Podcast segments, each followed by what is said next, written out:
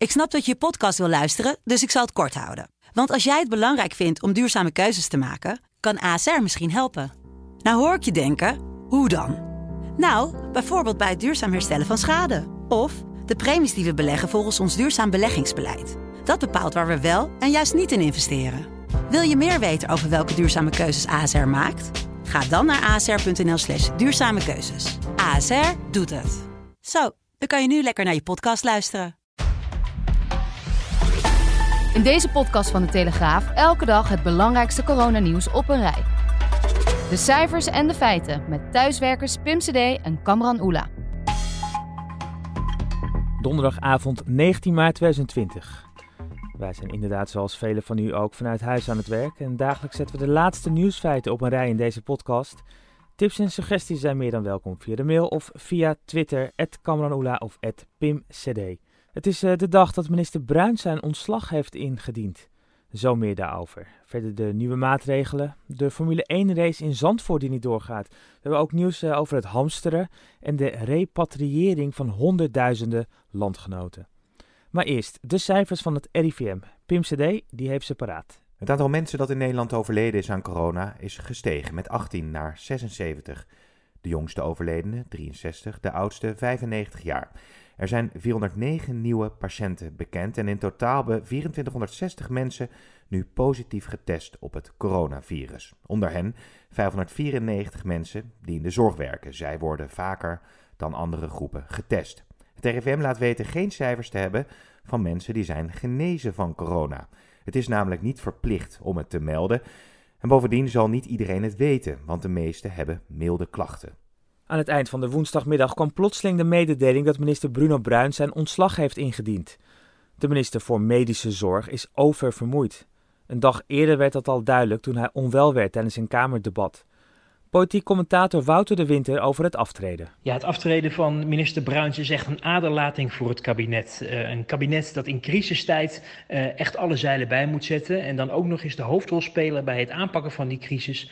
De minister voor Medische Zorg die dan uh, het veld moet ruimen naar, naar eigen initiatief.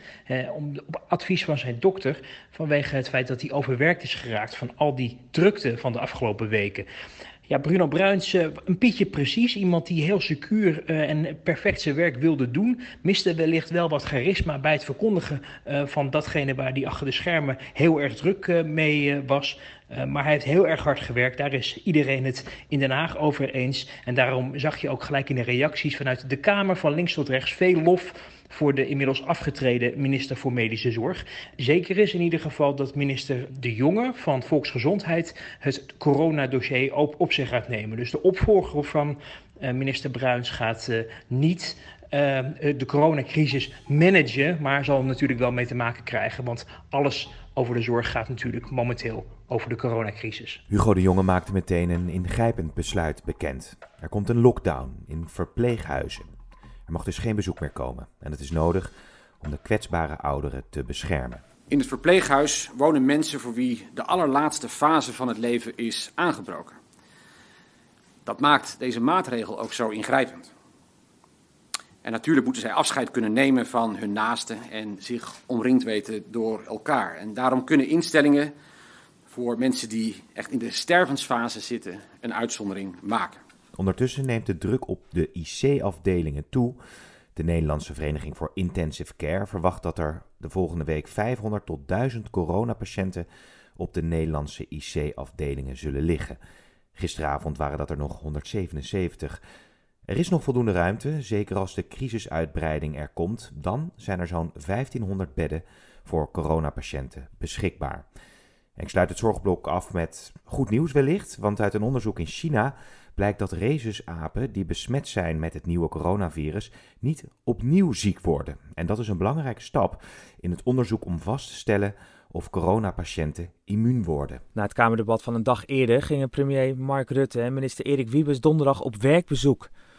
De premier die was in een vestiging van de Albert Heijn. En een videofragment daarvan gaat inmiddels viraal. Ze hebben weer, ze hebben weer. Maar er is in heel Nederland ook genoeg hè, voor de komende tien jaar.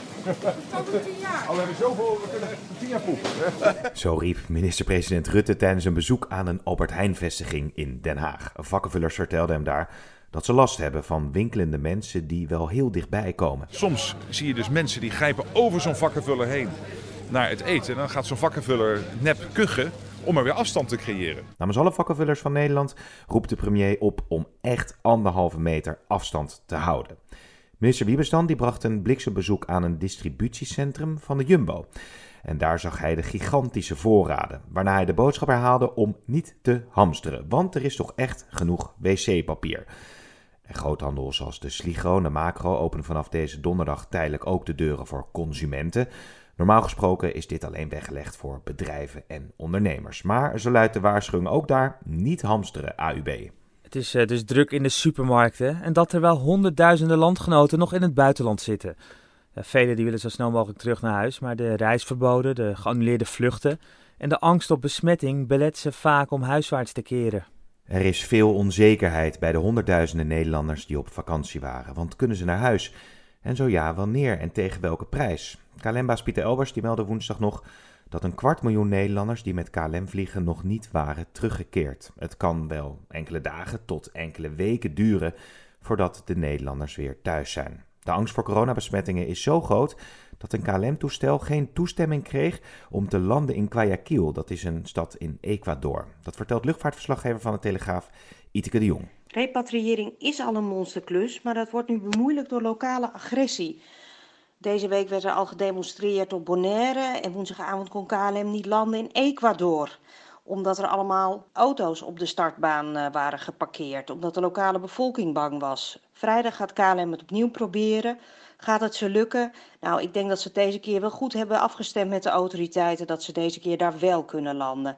En anders zullen de 164 passagiers toch via een andere weg Ecuador moeten verlaten. Hoe schrijnend de situatie in het buitenland kan zijn, dat blijkt wel uit wanhopige berichten uit Peru. Een meisje uit Delft heeft het zelfs over razzia's, waarbij mensen in hostels door de politie worden gearresteerd. Europeanen hebben het virus naar Peru gebracht, is de gedachte daar. Een Vlaams student laat weten dat ze daarom onheus worden bejegend en zelfs geen boodschappen meer durven te doen. Na Italië wordt de situatie nu ook in Spanje steeds heftiger. In Madrid overlijdt ieder kwartier iemand aan de gevolgen van corona. En ondertussen wordt in verschillende landen al het leger ingezet. In Italië moet het leger ondersteuning bieden bij het ophalen van doden in Bergamo. De lichamen worden naar andere steden gebracht om begraven te worden, omdat uitvaartbedrijven het werk gewoon niet meer aankunnen. Elk half uur is er een begrafenis en de crematoria staan 24 uur per dag aan. Het zijn ongelofelijke berichten. En in Spanje is het aantal doden hard gestegen, met 209 op één dag. Vooral Madrid en omgeving eisen ziekte veel levens. Omgerekend overlijdt iedere 16 minuten een patiënt, volgens de krant El País. En mogelijk ligt dat aantal hoger, omdat dit alleen de personen zijn die in het ziekenhuis komen te overlijden. In Duitsland maken reservisten zich klaar om ingezet te worden. In Amerika is de Nationale Garde al ingezet. Daar is vanaf vrijdag de grens met Canada dicht. Goed nieuws was er overigens uit China. De provincie waar het allemaal begon kende voor het eerst 24 uur zonder nieuwe ziektegevallen. Ja, fijn nieuws is dat uit China. Dus geen nieuwe ziektegevallen in Hubei. Wel in uh, Europa. En onder de besmette mensen in binnen- en buitenland zijn ook personen die we allemaal kennen. Zo werd bekend dat Joep van het Hek besmet is met het coronavirus. De 66-jarige cabaretier ligt nu in het ziekenhuis en de artsen hebben de situatie volgens nog onder controle. Joep is wel kwetsbaar. Hij topt al enkele jaren met zijn gezondheid. In een column schreef hij zelf ook dat hij besefte dat hij in een risicogroep viel en ook nadacht over zijn uitvaart. En dan naar Monaco, daar is het aantal besmettingen niet hoog, maar er is wel een hele prominente coronapatiënt, prins Albert II. Volgens het paleis gaat het goed met hem en hij blijft gewoon werken vanuit zijn eigen kantoor. Ook op deze donderdag weer veel annuleringen. Zo gaat de Bloemenkorst en de Bollenstreek niet door dit jaar. En uh, ja, we melden het eigenlijk al eerder, maar nu is het definitief. De Formule 1 race in Zandvoort gaat niet door in mei. Formule 1 verslaggever Erik van Haren. De Formule 1 race in Zandvoort op 3 mei gaat niet door. Dat werd eerder deze week al bekend, maar is nu officieel bevestigd. In totaal zijn de eerste zeven races nu voorlopig van de kalender gehaald. En inmiddels is ook bekend dat de Grand Prix van Monaco, misschien wel de bekendste van het stel, helemaal niet doorgaat. De eerste race die nu gepland staat is die van Baku op 7 juni. Maar ja, het is door de huidige situatie natuurlijk maar heel lastig in te schatten of die überhaupt door kan gaan. En dat is ook een beetje de reactie die je vanuit Zandvoort hoort van directeur Robert van Overdijk en sportief directeur Jan Lammers.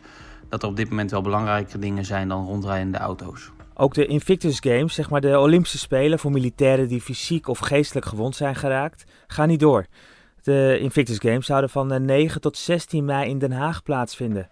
Initiatiefnemer Prins Harry maakte het nieuws zelf bekend. This decision uh, was the most sensible and the safest option for all of you, for your families and everybody else involved in these games. Um, I know how disappointed you must all be. Uh, this is a focus that so many of you need. I would encourage you to maintain that focus uh, as best you can. Um, the good thing is you have an extra 12 or so months to be even fitter, to get even fitter than you already are, to be at your absolute top mental and physical fitness. Ja, mogelijk wordt het een jaar later alsnog in Den Haag gehouden, maar daar is nu nog niets over bekendgemaakt. Dan heeft uh, Pim nog wat nieuws in het kort. We beginnen met een positief beursbericht. De Amsterdamse AEX sloot deze donderdag 4,6% hoger op 422 punten. De Universiteit Leiden die sluit tot het einde van het academische jaar de deuren en biedt het onderwijs nu digitaal aan. De ANWB sluit alle winkels, maar de wegenwacht en de alarmcentrale blijven doorwerken. Dan de politie, die is bezorgd over groepen jongeren die niet aan social distancing doen, die dus niet voldoende afstand bewaren om besmettingsgevaar tegen te gaan. En dan nog iets bijzonders uit mijn eigen buurtje in Amsterdam. Toen ik een wandeling maakte vandaag, danste er een man op mooie muziek voor een verzorgingstehuis. En ouderen en verplegers binnen die genoten. Zeker toen een zanger ook nog een hit van Hazes bracht. Met bloed, zweet en Ach, Hazes, altijd goed om te horen. En het doet me ook weer even denken aan die wedstrijden van Ajax die ook allemaal niet uh, doorgaan. Dit was de Telegraaf Corona Update van donderdag 19 maart. Alle onderwerpen uit deze podcast zijn natuurlijk uitgebreid te lezen op de site van de Telegraaf en ook in onze krant. Voor nu, blijf gezond en tot morgen.